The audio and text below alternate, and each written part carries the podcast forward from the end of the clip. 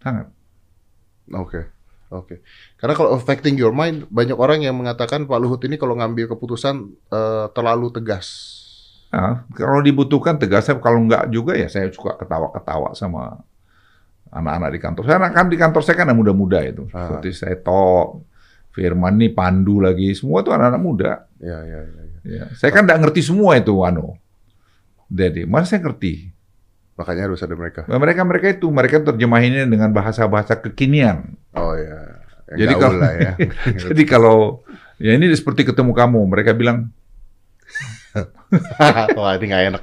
harus pergi katanya. Ya udah saya pergilah. ya, biar Ya. nyampainya ke milenial, Pak. Ya. Gitu.